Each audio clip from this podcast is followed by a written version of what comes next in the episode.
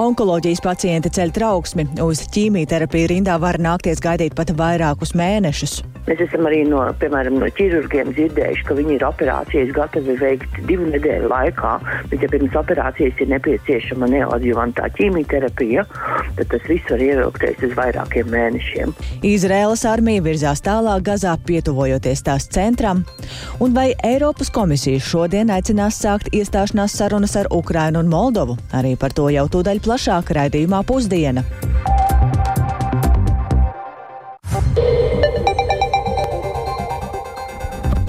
12,5 minūtes skanējumu sāk 8. novembra redzējums pusdiena un tajā plašāks skaidrojums par šodien būtisko studijā. Dāca Pēkšēna, labdien!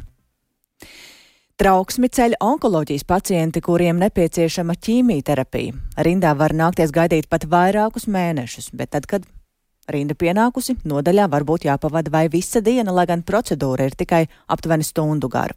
Vēža pacientu sabiedrisko organizāciju apvienībā Onko Alianse uzskata, Problēmas cēlonis ir ne tikai nepietiekamais ārstu skaits, bet arī organizatoriski jautājumi. Un to ir noskaidrojusi kolēģi Zanēniņa, kura šobrīd pievienojas studijā. Sveika, Zane! Un mēs daudz, daudzkārt esam runājuši, cik ārstniecībā ir svarīgs laiks. Cik ilgi pacientiem šobrīd ir jāgaida rindā uz ķīmijterapiju un vai ir kaut kādas iespējas to laiku saīsināt? Sveika, Dats! Sveicināti klausītāji!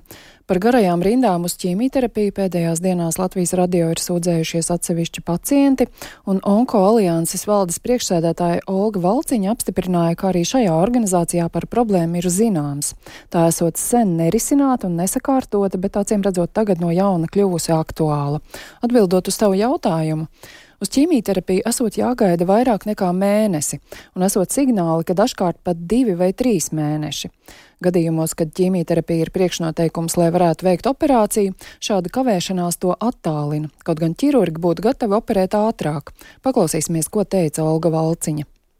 Mēs esam arī no, piemēram, no ķirurgiem dzirdējuši, ka viņi ir operācijas gatavi veikt divu nedēļu laikā, bet ja pirms operācijas ir nepieciešama neoadjuvantā ķīmijterapija, tad tas viss var ievilkties uz vairākiem mēnešiem. Onkoalianses vadītāja Olga Vilc, Valciņa piebilda, ir taču pacienti, kuriem palīdzība nepieciešama steidzami, kuri nevar gaidīt. Daudziem, ja ne dienas, tad nedēļas ir ļoti būtiskas.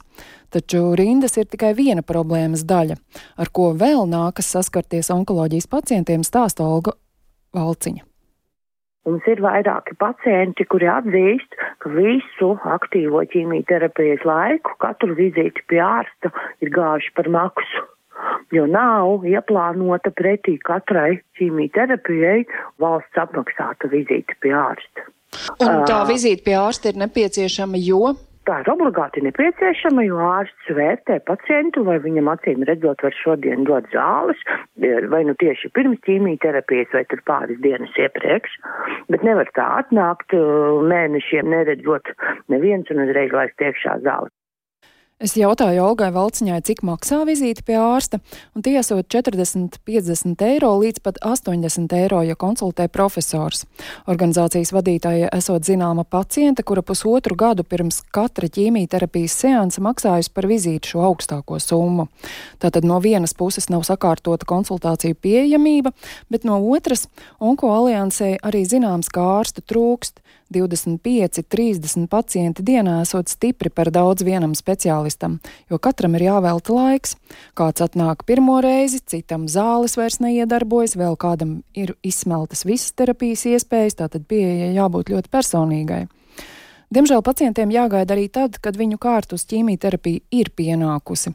Kāda pacienta, kura nevēlējās, lai viņas balss ieraksts, stāstīja, ka mēdz būt tā, ka viņa ierodas slimnīcā jau astoņos no rīta, bet vēl pusdienlaikā nav tikusi laukā, kaut gan viņas gadījumā pati procedūra ilgs tikai aptuveni stundu. Kā pašas ārstniecības iestādes to pamato, kāpēc ir jāgaida tik ilgi? Esmu lūgusi skaidrojumu gan Stradiņas slimnīcai, kur eh, gan problēmas esot mazākas, gan Austrum slimnīcas onkoloģijas centram. Pašlaik gaidu atbildes, tik līdz tās saņemšu, tā arī darīsim tās zināmas klausītājiem. Taču vēl piebildīšu, ka Onko alianses vadītāja Olga Valciņa atzina, ka šī ilgstoši nesakārtotā rindu lieta ir labvēlīga vide tam, lai pacienti to censtos risināt ar naudu ar vecajām labajām aploksnēm. Kā izteicās Olga Valciņa, vieni pērk laiku, citi uzmanību un cieņpilnu attieksmi. Personāls gan pats neko neprasot, par tādiem gadījumiem nesot dzirdēts. Paldies Zanai Eniņai par šo skaidrojumu. Tātad šobrīd gaidām arī slimnīcu vērtējumu, kādēļ tad ir tik ilgi jāgaida, bet um, par medicīnu turpinot, tad uh, maksas pakalpojumu sniegšanu neatliekamās medicīniskās palīdzības dienests cenšas cik vien iespējams samazināt, lai pietiktu braga, brigāžu tiešām neatliekamiem izsaukumiem. Tomēr diennaktī aizvien tiek izpildīti arī vidēji 5-10 šādi pakalpojumi, taču to cenrādis ir pārskatīts un par tiem ir jāmaksā vairāk, ņemot vērā arī citu pakalpojumu izmaksu un mediķu algu pieaugumu. Tā šorīt raidījumā labrīt kolēģiem Elīnai Balskarai un Laurim Zvejniekam šorīt uzsvēra neatliekamās medicīniskās palīdzības dienas vadītāja Liena Cipuli. Paklausīsimies fragmentu no šī rīta sarunas par to, kādēļ dienests um, joprojām turpina sabiedrībai skaidrot, uh, kad tiešām ir jāsauc neatliekamā palīdzība, jo Te ir runa par to, ka ir jālauž vēsturiskais priekšstats, ka daudzos ir iesakņojies tas, ka ne, neatliekamā palīdzība tiek sniegta arī neatliekamos eh, citos gadījumos. Mēs vēl aizvien dzīvojam laikā, kad mums ir paudze, kas atcerās arī ātrās palīdzības konceptu, kas darbojās pirms tika izveidots neatliekamās palīdzības dienests, un tās gaidas bieži vien ir vēl attiecībā pret iepriekšējo laiku, un pat izpratne par to, ka mēs nerakstam recepts, neizsniedzam darba nespējas lapas, kā tas varbūt agrāk bija. Protams, ar to ir jāstrādā. No otras puses, ir arī svarīgi apzināties, ka tās alternatīvas, kas sistēmā tiek radītas, arī šai pieejamība primārai aprūpē, aprūpē, pieejamību, steidzamās palīdzības nodrošināšana traumpunktiem, jā, un arī iedzīvotāju šī kopējā maksātspēja dažreiz kaut vai par šiem transporta pakalpojumiem, lai nokļūtu ārstniecības iestādē, ietekmē neatliekamās palīdzības dienestu noteikti. Tas, ko mēs uzsveram un katreiz atgādinām, ka jāsauc mums ir vienmēr, kad ir tā sajūta, ka šī ir neatliekama situācija, tādēļ, ka tās patiešām ir visdažādākās.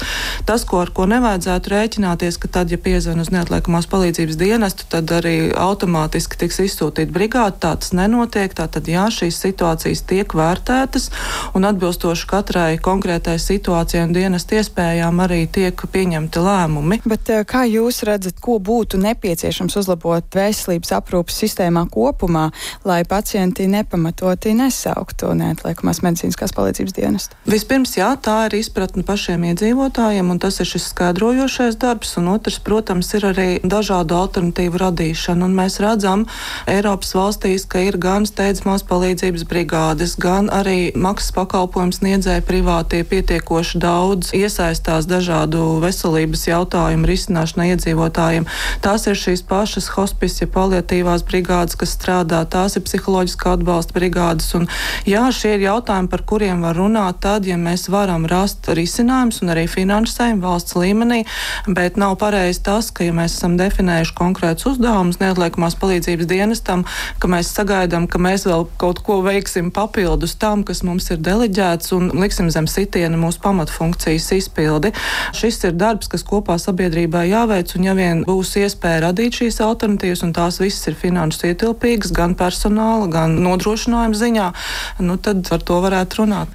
Tas tuvākais, ko mēs vēlētos attīstīt un arī pārunājām ar ministru tiekoties, ir eh, visdrīzāk konsultatīva konsultatīvā atbalsta iedzīvotājiem sniegšanas palielināšana, jo ģimenes ārsts konsultatīvais tālrunis, kas darbojas pēc darba laika un brīvdienās, faktiski vairāk ir domāts uz situācijām, kas varbūt ir nu, tīri konsultatīvs atbalsts ļoti vienkāršos gadījumos un nav sasaistīts nedz ar e-veselības jautājumiem, nedz ko. Tālūk, neatliekamās medicīniskās palīdzības dienesta vadītājas Lienas Cipulas teiktais. Bet Eiropas komisija šodien gatavojas nākt klajā ar ikgadējo ziņojumu par Eiropas Savienības paplašināšanos. Tajā izvērtēs gan Balkānu valstu, gan arī Ukrainas, Moldovas un Gruzijas progresa ceļā uz dalību Eiropas Savienībā.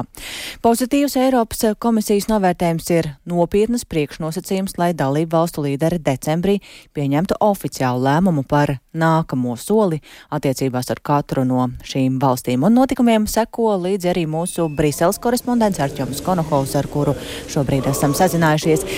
Labdien, Arčomā! Vai tev ir kāda nojausma, kā Eiropas komisija varētu novērtēt Ukrainas, Moldovas un Gruzijas progresu? Dāts, labdien, klausītāji! Tik tiešām tajā lēmuma projektā, kas šobrīd ir Eiropas Savienības komisija valde, faktiski jau ir skaidrs, ka tiek piedāvāts Ukrainai un, un, un Moldovai uzsākt paplašināšanas sarunas, tātad iestāšanās šīs oficiālo procesu. Savukārt Grūzijai tiek piedāvāts, tiek rosināts, ka viņiem ir, ir tomēr jāpiešķir šīs kandidātu valsts status.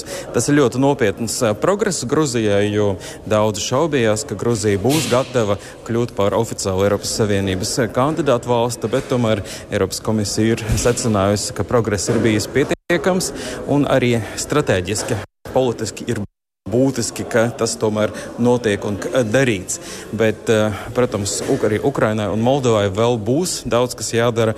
Un, un viņiem tie priekšnosacījumi, kas e, tiek, ja tas tiešām šis lēmums tiks apstiprināts. Bet, nu, pēc tās informācijas, kas ir pieejama, ja viņiem tomēr būs daudz kas jādara arī likuma varas jautājumos, cīņa ar korupciju, tā ir tiesu neatkarība, ir policijas, prokuratūras darba efektivitātes uzlabošana. Visi šie ļoti būtiskie jautājumi, arī nopietni ieguldījumi, lai to varētu visu sakārtot. Arjom, kā uz to līdz šim ir reaģējušas Balkānu valstis? Balkānu valstis uz to skatās dažādi. Ja, protams, daudzas no tām ir garus gadus bijušas uh, rindā un uh, sarunas ir risinājušas, lai varētu pievienoties visgatavākā iestāties ir Melnkalne. Varētu būt, ka tā ir pirmā valsts, kas tiek uzņemta Eiropas Savienībā. Jā, Arčom, šobrīd izskatās, ka. Runājam šobrīd iespējams par aptuveni 20. Jā. Uh, izskatās, ka šobrīd mums dzirdat? ir uh, tehniskas uh, problēmas ar tevi dzirdēt labā kvalitātē. Līdz ar to par šo tēmatu noteikti vairāk runāsim arī raidījumā pēcpusdiena, tad arī vairāk par to, kā Ukrainai sokas ar rekomendāciju izpildi ceļām uz Eiropas Savienību. Pagaidām paldies Arčomam Konohovam. Izrēla ir paziņojusi, ka tās sauszemes spēku karavīri ir pietuvojušies Gāzes centram un izdarot lielu spiedienu uz tur esošajiem palestīniešu islāmistu grupējumu Hamas teroristiem. Arī aizsardzības ministrs Joavs Galants ir norādījis, ka armija ir nonākusi pilsētas sirdī. Tikmēr Izraels premjers Benjamins Netanjahu atkārtot ir uzsvēris, ka Pamieris nav iespējams, līdz, ar, līdz no gūsta netiks atbrīvoti visi Hamas sagrābtie ķīlnieki. Plašāk stāsta Rihards Plūme. Izraēlas armija turpina bombardēt Gazas joslu, kā arī īsteno sauszemes operācijas Gazas joslā. Kopš kara sākuma Izraēla blīvi apdzīvotajā Gazas joslā ir uzbrukusi vairāk nekā 14 tūkstoši mērķiem. Pirms vairākām dienām tika ziņots par Gazas pilsētas aplenkšanu Gazas joslas ziemeļu daļā, taču tagad Izraēlas amatpersonu un militāru personu paziņojumi liecina par to, ka armija virzās dziļāk pilsētas iekšienē, turpina Izraēlas premjers Benjamins Netanjahu. Gazas pilsēta ir ielēgta. Mēs darbojamies tās iekšienē un katru stundu un katru dienu pastiprinām spiedienu uz Hamas. Līdz šim esam iznīcinājuši tūkstošiem teroristu uz zemes un zem tās. Tikmēr Izraēlas armijas preses sekretārs Daniels Hagarī norādījis, ka Izraēlas sauszemes spēku karavīri ir iekļuvuši Gazas pilsētas dzīvēs un izdara lielu spiedienu uz tur esošajiem palestīniešu islāmistu grupējuma Hamas teroristiem. Viņš atzina, ka ir bijuši panākumi, bet karš vēl būs ilgs. Arī Izraēlas aizsardzības ministrs Joavs Galants apstiprinājis armijas klātbūtni Gazā. Mēs atrodamies Gazas pilsētas sirdī ar Izraēlas armijas karaspēku. Karaspēks tur ienāca no ziemeļiem un dienvidiem. Uzbrukums notika koordinējoties sauszemes spēkiem, gaisa spēkiem un flotei. Ģenerālmajors Jakovs Samidrors, bijušais Izraēlas aizsardzības spēku komandieris un nacionālās drošības padomnieks, atzinis, ka cīņa pret Hamas būs smaga. Viņš izteicies, ka Hamas Gazas pilsētā būs izlikuši slazdus un improvizētas sprādzienu bīstamas ierīces. Izraēlas izaicinājums būs cīņas blīvi apdzīvotās pilsētas teritorijās. Lai gan daudzi civiliedzīvotāji ir aizbēguši, simtiem tūkstoši cilvēku joprojām ir palikuši Gazas ziemeļos, tostarp Gazas pilsētā. Savukārt Izraēlas militārais eksperts Jākovs Kats sacījis, ka Izraēlas karaspēks izvairīsies no došanās Hamas izveidotajos tuneļos, ja vien tas nebūs ļoti nepieciešams. Tā vietā tuneļi tiks iznīcināti, izmantojot sprākstvielas. Turpinās diskusijas par to, kā pēc kara beigām izskatīsies Gāzes josla. Izraēlas strateģisko lietu ministrs Rons Dermers intervijā raidsabiedrībai BBC uzsvēris, ka Izraēla atkārtoti neokupēs un nepārvaldīs Gāzes joslu. Arī ASV valsts departamenta preses sekretārs Vedāns Patels norādījis, ka ASV iebilst pret Izraēlas īstenotu Gāzes joslas ilgtermiņa okupāciju. Diskusiju norisi par Gāzes joslas nākotni apstiprināja arī Baltānama pārstāvis Džons Kērbijs. Mums ir aktīvas diskusijas ar mūsu Izraēlas kolēģiem par to, kādai vajadzētu izskatīties Gazas joslai pēc konflikta. Prezidents saglabā savu nostāju, ka Izraēlas spēku atkārtota okupācija nav pareiza rīcība, bet mums ir sarunas par to, kādai vajadzētu izskatīties videi pēc konflikta un kādai ir jābūt pārvaldībai Gazā. Viena lieta, par ko ir absolūta pārliecība, ir tā, ka Hamas nevar būt daļa no šī. Mēs nevaram atgriezties 6. oktobrī. Lai gan spiediens uz Izraēlu par kara pārtraukšanu pieaug, tomēr Izraēlas premjeras atkārtoti noraidījis, ka šobrīd iespējams pamieris. Par to varēšot runāt vienīgi tad, kad tiks atbrīvoti visi Hamas sagrābtie ķīlnieki. Tikmēr jaunā Telavivas universitātes aptaujā respondenti ļoti zemu novērtējuši valdības un premjera darbu. 58% 10% respondentu pauduši arī neskaidrību par valdības mērķiem Gazas joslā, bet 63% ebreju pilsoņu teica, ka Hamas likvidēšana Gazā ir vissvarīgākais mērķis. Turpretim 33% norādīja, ka svarīgāka ir ķīlnieku atbrīvošana. Rihards Plūme, Latvijas radio. Un tagad gan atgriežamies pašmājās pēc asajām diskusijām dziesmu un deju svētku izvērtēšanas konferencē, kurā diriģenti prasīja skaidru atbildi kultūras ministrija algu jautājumā, un ministres solījuma, ka kultūras ministrija atkārtoti virzīs uz ministru kabinetu darba grupas koncepciju par amatieru kolektīvu atalgojumu. Šodien diskusijas turpinās Saimas izglītības komisijā. Un par to, kas tad sēdē ir izrunāts, ir gatava vairāk izstāstīt kolēģi Agnija Lazdeņa, kura ir sekojusi līdzi šai sēdēji. Sveika, Agnija, un saki, kas ir tās galvenās problēmas un kādi ir tie risinājumi? Labdien! Sēdē daudz tika runāts par pārfinansētās kultūras mītu, proti, ka kultūras nozara Latvijā ir pārāk daudz finansēta, ar ko iestājoties par profesionālo mūziķu atalgojumu celšanu vai citiem jautājumiem, ir nācies saskarties nozares pārstāvjiem, kad politiķi ir snieguši pretī argumentus, ka pēc Eirostat datiem kultūra Latvijā ir pat ļoti labi finansēta, līdz ar to pieprasīt finansējumu ir nevietā. Un arī Latvijas Nacionālās operas un baleta valdes loceklis un un Latvijas profesionālo mūzikas kolektīvu asociācijas pārstāvis Sandis Voldiņš ir pārbaudījis Eirostat datus, kuros detalizēti var redzēt, kā kultūras finansējuma stati statistika veidojās 2021. gadā, kas ir jaunākie pieejamie dati un kur arī viņš atklāja vairākas saudabības. Un šajā sēdē skaidroja, kā tad veidojas tas budžets un, un, un kāpēc ir, šī, ir radies šis mīts, un uh, kultūras ministrija sēdē vairāk kārt uzsvēra nepieciešamību kliedēt šo radušos mītu un nepieciešamību pēc papildu finansējuma, lai varētu risināt radušās problēmas ar, ar dziesmu svētku amatieru kolektīvu vadītāju algām. Un uh, jau iepriekš ministrija ir izteikusies, ka finansējuma palielināšanai saredz divus iespējamos scenārijus, proti pirmais no tiem ietver finansējumu sniegšanu no kultūras ministrijas bāzes budžeta, kas ministrs ieskatā ir nevēlams, jo var saistīties ar kultūra izglītības kapacitātes vājināšanos, un otrs scenārijs ir papildu finansējuma piešķiršanas saimas budžeta apstiprināšanas procesā. Un arī šajā sēdē kultūras ministras parlamentārā sekretāra Agnesa Lāca uzsvēra, ka finansējums gan kolektīvu vadītājiem, gan diriģentiem, gan mūzikas un mākslas skolām, gan arī kultūra izglītībai kopumā ir pamats dziesmu svētku tradīcijai, taču, lai risinātu radušās problēmas, protams, papildu finansējums ir ļoti vajadzīgs, jo ja vienīgais risinājums būs skatīt šo finansējumu no ministrijas bāzes budžeta, tad pastāv iespēja atņemt naudu no mūzikas un mākslas skolām. Paklausīsimies viņas teikto. Mēs arī šobrīd tiekamies ar frakcijām, skaidrojam šo vēl papildus un uh, tiešām strādājam. Nevienā brīdī neesam no šīs cīņas atteikušies. Uh, arī tas, kas atradības padomē, šis jautājums ir arī izskatīts vēlreiz un vēlreiz.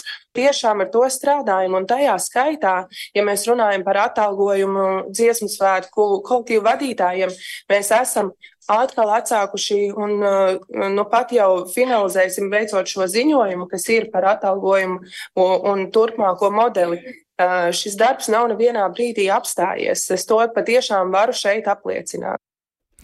Un patiesi tādā baumu vai idejas līmenī ir pārdalīta finansējuma kolektīvu vadītājiem no mūzikas un mākslas skolām. Tādā sliktākajā gadījumā tiesa šai idejai nepiekrīt gan vairums deputātu, gan nozares pārstāvi, gan arī pati kultūras ministrija, atzīstot, ka šāda ideja ir nevēlama. Taču, ja neradīs šo papildu finansējumu, tad var būt dažādi Paldies Agnijai Lazdiņai par um, šo skaidrojumu. Tātad runājām par um, algu jautājumu amatieru kolektīvos. Un vēl ir informācija, kas jāņem vērā autoīpašniekiem, jo no nākamā gada būs aizliegtas tās augtās vissezonas riepas, un to paredz valdības atbalstītās noteikuma izmaiņas, kas tapušas, lai uzlabotu satiksmes drošību un arī veicinātu apkārtējās vidas ekoloģiju. Un līdz ar to speciālisti īpaši šajā laikā, kad notiek aktīvākā riepa maiņa, tad aicina rūpīgi izvērtēt, vai tērēt naudu viena gada braukšanai. Par to vairāk Edgara Kupču ierakstām. Par to, ka tā dēvētās vissezonas riepas aizliegs, runāts tika jau kādu laiku kā par faktu, jo pirms gada tā lēma ceļu satiksmes drošības padomes domnīca. Bet nu par izmaiņām noteikumos izšķīrusies arī valdība.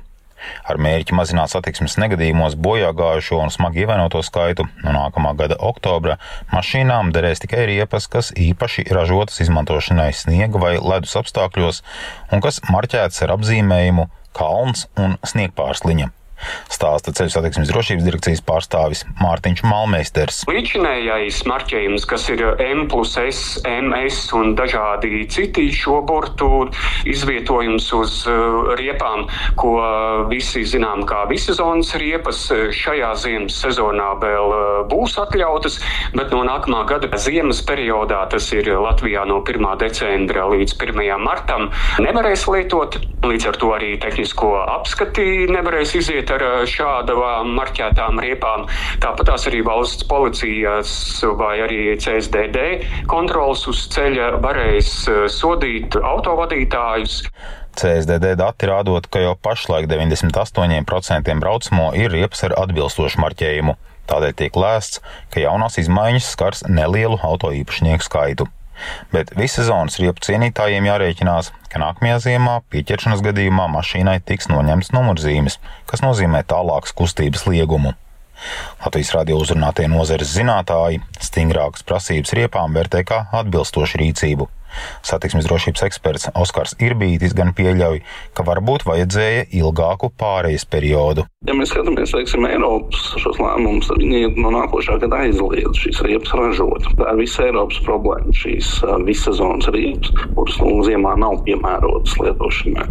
Tad tur ir bijis plašāks šīs periods. Pēc tam vēl var nobraukt to riepu. Parasti ir tā, ka atstāja kaut kādas riepas nu, dzīvīgumu pēc dzīves cikla garumā šo pārējais periodu. Bet nu, jo ātrāk, jo no vienas puses labāk. Vissezonas riepa aizliegumu atbalsta arī auto asociācijas prezidents un saimnes deputāts no apvienotā saraksta Andris Kulbergs. Amatieris, autosportists un arī nozares eksperts es varu pateikt, ka ziemā taupīt uz riepām nedrīkst. Tas arī būtu par to, ka aizliegt tirgot lietotas ziemas riepas, jo ziemā riepas eh, jābūt pirmkārt svaigai, gumijai mīkstai, otrkārt viņai jābūt laikapstākļiem atbilstošai. Tā tad ziemas riepai nevis visu sezonu. Jo visu sezonu nobraucam kantas, šī gumija saulē sakalst, ziemā viņi vairs nevar performēt tieši uz mūsu slapdaņu, uz mūsu šļūdoņu, kas mums tik bieži ir uz ielām. Ekspertiem arī jautāju, vai un par cik procentiem šogad augusi riepu cena. Pats pēc savas pieredzes var teikt, ka nu, 10 vismaz. Savukārt Andris Kulbergs no Auto asociācijas vērtē, ka riepu cenas ir atgriezušās adekvātā līmenī, jo Covid sākuma laikā Ķīnas un Japānas riepu cenas būtiski augušas. Cena konteineriem, kur bija iepriekš normāla 800 līdz 1500 eiro par konteineru uzkāpa uz 10 līdz 15 tūkstoši. Tas bija viens, otrs nemaz konteinerus dabūt nevarēja. Kas vienkārši stratosfērā aizlaiž šīs cenas. Nu, šobrīd tagad ir frakts nokrities apakaļ uz adekvātu vērtību. Nu, protams, ka jārēķinās ir ar izēju materiālu kāpumu. Diemžēl naftas cenas ietekmē arī tieši riepu cenas un arī šī energoresursi, kas nepieciešama, lai šīs riepas saražotu saražot. Tādēļ šo sezonu riepas maksājot par 10 līdz 20% dārgāk. Edgars Kupčs, Latvijas radio. Un ar šo stāstu izskan raidījums pusdiena, ko producēja Lauris Zvēnieks, ierakstus montēja Uldis Grimbergs, par labskaņu rūpējās Regīna Bieziņa un ar jums sarunājās Dāca Pēkšēna. Daži no šīs dienas tematiem tātad pacientiem uz ķīmijterapiju mēnešiem ir jāgaida rindā uz konsultācijām par savu naudu jādodas. Izraels armija pietuvojas Gāzes pilsētas centram un kaujas ar Hamas solās būt sarežģītas. Atgādināšu to, ka raidījuma pusdiena var klausīties arī sev vērtā laikā Latvijas radio mobilajā lietotnē. Ir jāsmeklē dienas ziņas un Latvijas radio ziņas arī sabiedrisko mediju ziņu portālā LSMLV.